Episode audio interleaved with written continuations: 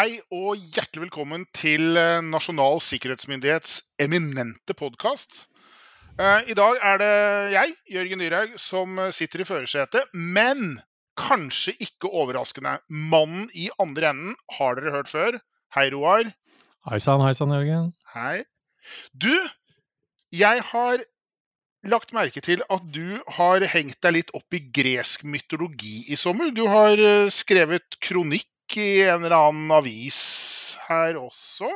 Ja. Fortell. Hva, hva, er det du har tenkt, hva er det du har tenkt på nå, Roar? jeg har skrevet om Pegasus. Ja. Og det er, det, det er hesten. Det er he, den bevingede hesten. Bevingede hesten. Nei, det er vel egentlig ikke det, men det er nå det navnet, navnet problemet har fått, for å si det sånn. Um, fordi i sommer så har det vært en uh, internasjonal nyhetssak som, uh, som egentlig pågår enda, hvis man uh, virkelig følger med. Som i det store og hele egentlig har vært en, en påminnelse, mener jeg, da, på at man bør tenke om nå, hva man og når man bruker teknologi. Um, fordi hva Pegasus er, det er et navn på et stykke programvare, software. Um, og um, Pegasus uh, gjør det rett og slett mulig å komme seg mer eller mindre usynlig inn på de aller fleste kommersielle mobiltelefoner. Uh, og deretter bruke den telefonen uh, til å overvåke brukeren, og den brukeren kommuniserer med, mer eller mindre rubbel og bit. Ja. Og det bør jo bekymre ganske mange. Det bør jo bekymre ganske mange. Uh, og så er jo spørsmålet om Ja, men skal Skal folk flest bekymre seg over dette? Er, er, er vi der, eller? nei, nei, vi er ikke det. Uh, så, så, men, men jeg tror folk flest skal være observante på at uh, Pegasus er et veldig klart bevis på hva som eksisterer der ute av uh, den type løsninger. Fordi, for å ta det, da.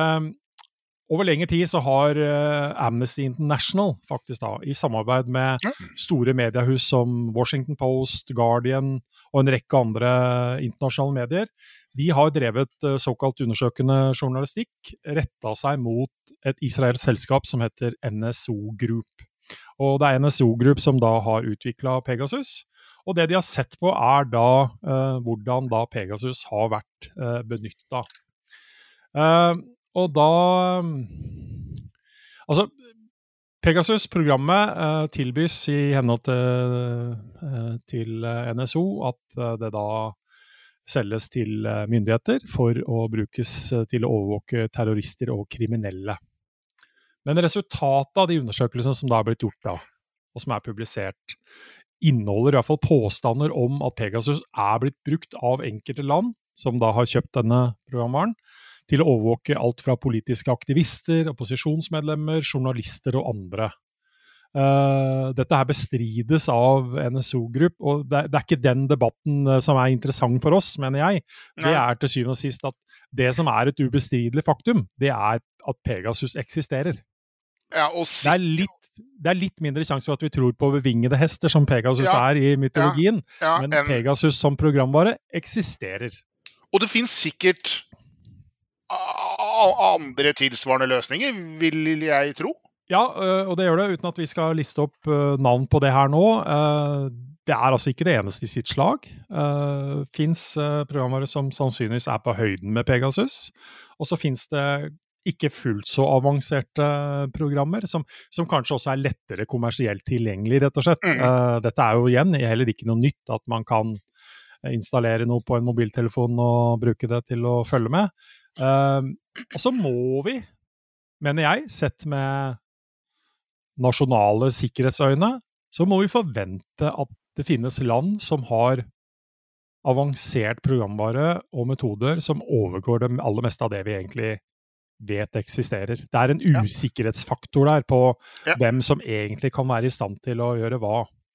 Men altså, Pegasus i seg sjøl er avansert, og det som ikke minst gjør det avansert, det er at man kan infisere en mobiltelefon uten at brukeren egentlig trenger å delta på noe som helst måte.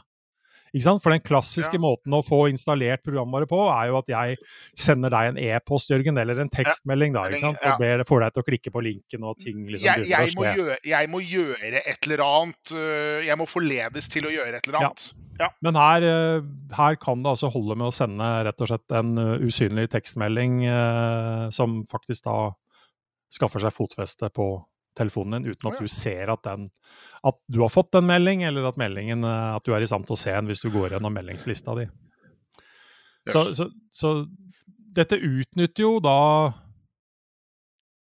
sårbarheter i telefonene. ikke sant? Så det, igjen, da er vi tilbake til at dette er avansert. Det er brukt sannsynligvis betydelige ressurser på, på å finne metoden hvor dette mm. lykkes. Eh, og så er kostnaden eh, ved å bruke dette programvaret også deretter. Ja, ikke sant? Ikke sant? Det, ja. Du får sannsynligvis ikke kjøpt månedsabonnement for, eh, for 20 kroner, for å si det sånn. Nei, for nei, dette her. Og det er det som gjør at jeg sier at folk flest skal ikke være bekymra for det. For de som da får lov til å kjøpe det, har helt andre hensikter enn å bry seg om deg og meg rundt akkurat ja, ja. dette her. Og, og, og det, det, det, du får det som hva skal jeg si, har vært bakgrunnen for kontroversen rundt det, er da at noen har brukt et uh, i gåseøyne Nå holdt jeg på å kalle det et våpen. Uh, en teknologi til noe det egentlig ikke var tenkt brukt til, men som det faktisk vel fungerer til å brukes til. Så det er liksom det, det er en teknologien tar jo ikke hensyn til hvem sin mobiltelefon den blir installert på. ikke sant? Men, men, men, intensjonen da har vært ja. Men, men øh, du nevnte også at det finnes da betydelig enklere eh, teknologiske løsninger som jo strengt tatt da kan gjøre veldig mye av det samme. Og, da, øh, og hvor da kanskje Ordet sannsynlighet er jeg ikke sånn kjempeglad i, men hvor, hvor, det da er mer, mer, sannsynlig at man mot formodning kunne hatt noe slikt på telefonen sin, og at en mobiltelefon eller en smartklokke eller pad eller PC genererer jo en liten sensorplattform, hvis vi kan mm. kalle det det. Liksom. Og hva bør vi gjøre? Skal vi gå offline eh, fra tid til annen? Er det det du prøver å fortelle meg? Det er jo egentlig det, og det er det jeg egentlig gjorde et poeng av denne kronikken òg. Og det er rett og slett at uh, dette er en veldig sterk og klar påminnelse om et råd som egentlig alltid har eksistert, i hvert fall i min yrkeskarriere.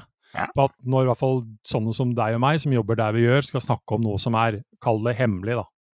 Ja. Så gjøres ikke det på mobiltelefon eller i et helt vanlig rom. Vi har faktisk dedikerte steder hvor det skal gjøres.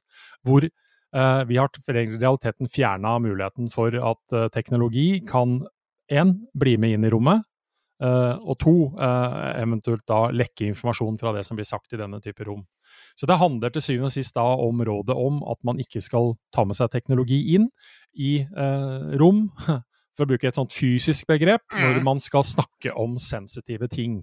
Mm. og dette er jo formalisert gjennom sikkerhetslovens bestemmelser i forhold til behandling av sikkerhetsgradert informasjon, informasjon ja. hvor veldig mange, bl.a. offentlige etater som er underlagt sikkerhetsloven, da uh, har den type forhåndsgodkjente rom, som da mm.